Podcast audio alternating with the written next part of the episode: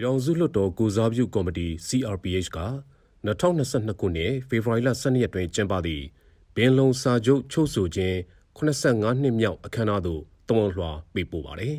။အဲ့ဒီတဝန်လွှာအပြည့်စုံမှာ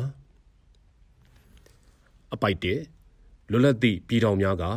လွတ်လပ်၍စစ်မှန်သောဒန်းတူညီမျှမှုရှိသည့်ပြည်တော်စုနိုင်ငံဟူသည့်ခေါင်းစဉ်အောက်တွင်ငြိမ်းချမ်းမြတ်တာစွာအတူရှင်တွဲနေထိုင်ကြရန်ပ င်လုံစာချုပ်ချုပ်ဆိုလျက်တောင်တန်းမြေပြန့်တိုင်းသားများ၏ပေါင်းစည်းမှုစိတ်ဓာတ်ကိုပြသနိုင်ခဲ့သည်မှာယနေ့ဆိုရင်85နှစ်ပြည့်စင်ရတုတိုင်ခဲ့ပြီဖြစ်ပါသည်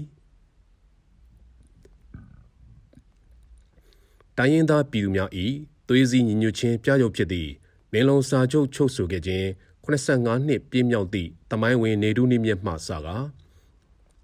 ပင်လုံပြည်ညင်လမ်းစဉ်အပေါ်အခြေခံသည့် စစ်မှန်သော Federal Democracy ပြည်ထောင်စုကိုအမြန်ဆုံးတည်ဆောက်နိုင်ကြပါစေကြောင်းဆုတောင်းအပ်ပါသည်အပိုင်နှင့်ဗြိတိရှားတို့၏သွေးခွဲအုပ်ချုပ်မှုကြောင့်ဒိုင်းယနာပြည်သူများကြားနှစ်ပေါင်းများစွာတန်တရားများဖြင့်သွေးကွဲမှုများရှိခဲ့ကြတော်လေဖက်စစ်ဂျပန်များအားတော်လှန်ကြရာတွင်မူဒိုင်းယနာအားလုံးညီညွတ်စွာဖြင့်ဖက်စစ်ဂျပန်များကိုတိုက်ထုတ်နိုင်ခဲ့ကြပါသည်ဖက်စစ်ဂျပန်များ၏လက်အောက်မှလွတ်မြောက်ပြီးနောက်နိုင်ငံလွတ်လပ်ရေးကိုကြိုးပမ်းကြခြင်းတွင် ဗိုလ်ချုပ်အောင်ဆန်းနှင့်ခေါင်းဆောင်များ၏ကြိုးပမ်းမှုပြည်သူများ၏စီးလုံးမှုဖြင့်1948ခုနှစ်ဇန်နဝါရီလ29ရက်တွင်မြန်မာနိုင်ငံကိုတစ်နှစ်အတွင်းလွတ်လပ်ရေးပေးရန်သဘောတူညီချက်များပါဝင်သည်အောင်ဆန်းအတလီစာချုပ်ကိုချုပ်ဆိုနိုင်ခဲ့တော်လဲဗြိတိရှားတို့ကအတ္တလန္တိတ်စာချုပ်ဖြင့်လွတ်လပ်ရေးကိုတီးခြားခွဲ၍ပေးရန်တောင်တန်းဒေသများကိုလွတ်လပ်ရေးမပေးသေးရန်သွေးခွဲခဲ့ကြသည်အပိုက်3 1946ခုနှစ်ဇန်နဝါရီလတွင် ရွှေဒဂုံဘုရားကုန်းတော်အလဲပစ္စယံ၌ကျင်းပခဲ့သည့်ဖာစာပါလညီလာခံတွင်ဒိုင်းရင်သားအလုံးလက်တွဲကလွတ်လပ်သည့်ပြည်တော်စုကိုတိဆောက်ကြရန်ဆုံးဖြတ်ခဲ့ကြပြီးဒိုင်းရင်သားခေါင်းဆောင်ကြီးများက1946ခုနှစ်မတ်လ1ရက်မှ12ရက်အထိဘင်လုံမြို့တွင် ပထမအကြိမ်ညီလာခံအဖြစ်စုပေါင်းစည်းဝေးကျင်းပခဲ့ကြပါသည်အပိုက်လေးဗိုလ်ချုပ်ဆန်းနှင့်ဖော်များသည်1948ခုနှစ်ဖေဖော်ဝါရီလ10ရက်နေ့တွင် ပင်လုံမြို့၌ကျင်းပသည့်ဒုတိယကြိမ်ပင်လုံညီလာခံသို့တက်ရောက်ခဲ့ပြီးဖေဖော်ဝါရီလ10ရက်နေ့တွင်တိုင်းရင်းသားအလုံး၏စူးစီးညီညွတ်မှုဖြင့်လွတ်လပ်ရေးကိုတောင်တန်းပြည်မှအထူးတကွရယူကြရန်ဒီမိုကရေစီရေးအမျိုးသားတန်းတူရေးနှင့်ကိုယ်ပိုင်ပြတ်ထန်းခွင့်အပြည့်အဝရှိသည့်စစ်မှန်သောပြည်တော်စုကြီးတစ်ခုအထူးတကွထူထောင်ကြရန်မျှော်မှန်းလျက်ပင်လုံစာချုပ်ကိုချုပ်ဆိုကာပြည်တော်စုတရက်လုံး၏စီးလုံးမှုအင်အားကိုပြသလျက်ဖက်ဒရယ်အုံးမြစ်ကိုချမှတ်ခဲ့ကြပါသည် အပိုင်ကသို့တော်လဲဘူနေဝင်းက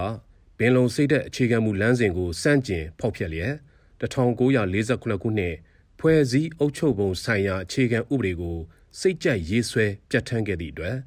ဒိုင်ယနာများ၏မူလအခွင့်အရေးများအားလုံးဆုံးရှုံးကာပြည်တွင်းစစ်စတင်ခဲ့ရပါသည်ထိုမှစက1984ဖွဲ့စည်းပုံအခြေခံဥပဒေ2008ဖွဲ့စည်းပုံအခြေခံဥပဒေစသဖြင့် စစ်အာဏာရှင်တို့စိတ်ကြက်ရေးဆွဲထားသည့်ဥပဒေများကိုပြဋ္ဌာန်းကာဒိုင်းယနာပြည်သူများအားသွေးခွဲလျက်လူမျိုးကြီးဝါဒကိုကင်ဆွဲကာဖိနှိပ်အုပ်ချုပ်ခဲ့ကြပါသည်အပိုက်6ထိုကဲ့သို့နိုင်ငံရေးစီရေးအရာဖိနှိပ်အုပ်ချုပ်လျက်ရှိသည့်ကြားမှပင်ပြည်သူတို့ကတခဲနဲ့ရွေးကောက်တင်မြှောက်သည့်ပြည်သူအစိုးရတရက်ပေါ်ထွက်လာက Federal Democracy ပြည်တော်စုကြီးတိဆောက်ရန်အတွက်ပြည်တော်စုငြိမ်းချမ်းရေးညီလာခံ21ရာစုပင်လုံအစည်းအဝေးများခေါ်ယူလျက် ဒီမိုကရေစီဖက်ဒရယ်ဆိုင်ရာသဘောတူညီချက်များချမှတ်၍ပြည်တော်စုသဘောတူစာချုပ်အစိပ်ပိုင်း၃ခုအထိချုပ်ဆိုနိုင်ခဲ့ပါသည်အပိုက်ခုနှစ်သို့တော်လည်းအထူးအယောင်ဖက်ဒရယ်ကိုသာပေးလိုသောကိုချိုးစီးပွားကိုသာကြည့်သည့်စစ်အာဏာရှင်တစုက2020ခုနှစ်နိုဝင်ဘာလ10ရက်တွင်ကျင်းပခဲ့သည့်အထွေထွေရွေးကောက်ပွဲတွင်ဒိုင်နာပြည်သူတရလုံးကတခဲနဲ့ထောက်ခံရွေးချယ်ခဲ့သည့်ပြည်သူအစိုးရအားမတရားဖန်ဆီးလျက်2021ခုနှစ်ဖေဖော်ဝါရီလ1ရက်နေ့တွင် နိုင်ငံတော်အာဏာကိုလက်နက်အားကို၍ဥပဒေမဲ့လူယူသွားကနိုင်ငံတော်ရှိတိုင်းသားပြည်သူများပေါ်လူဂုံသိက္ခာကိုညှိုးနွမ်းစေသည့်နည်းလမ်းများဖြင့်ဖမ်းဆီးတပ်ဖြတ်ခြင်းမြို့ရွာများအားမိရှို့ခြင်း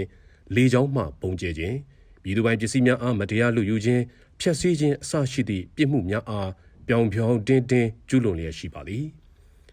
အပိုက်ရှိအာဏာရှင်စနစ်ကိုမြမမြေပေါ်မှအပီးတိုင်ပပျောက်စေရန် ခေတ်ဆက်ဆက်စစ်အာဏာရှင်စန့်ကျင်ရေးမှတရေတီခဲ့သည့်တော်လှန်ရေးစိတ်ဓာတ်များဖြင့်စူးစီးညီညွတ်စွာတိုက်ထုတ်ကြရမည်ဖြစ်ပါသည်လက်နက်အင်အားအစမတန်တာလွန်သည့်မင်းအောင်လိုင်းခေါင်းဆောင်သည့်စစ်တပ်ကိုတစ်နှစ်ကြာသည့်အထိအုပ်ချုပ်ခွင့်မပေးဘဲဆုံးရှုံးမှုများများစွာရှိနေသည့်တိုင်ပြည်တွင်းပြည်ပမှတိုင်းရင်းသားပြည်သူတေလုံးကကြာရာကန်တအသီးသီးမှအာသွန်ခွန်ဆိုင်တော်လှန်နေကြစေဖြစ်ပါသည်2021နွေဦးတော်လှန်ရေးတွင် Federal Democracy နိုင်ငံတော်ကြီးအတွက်အသက်ပေးလူသွားခဲ့ကြသောသူရဲကောင်းများအားဝမ်းနည်းစွာအလေးပြုပါကြောင်းဤသွန်လွှာမှတဆင့်အလေးအနက်မှတ်တမ်းတင်အပ်ပါသည်အပိုက်ကိုပြည်ထောင်စုလွှတ်တော်ကိုစားပြုကော်မတီနေဖြင့်လည်းဖွဲ့စည်းပုံအခြေခံဥပဒေ2008ခုနှစ်ကိုအပီးတိုင်ဖျက်သိမ်းကာ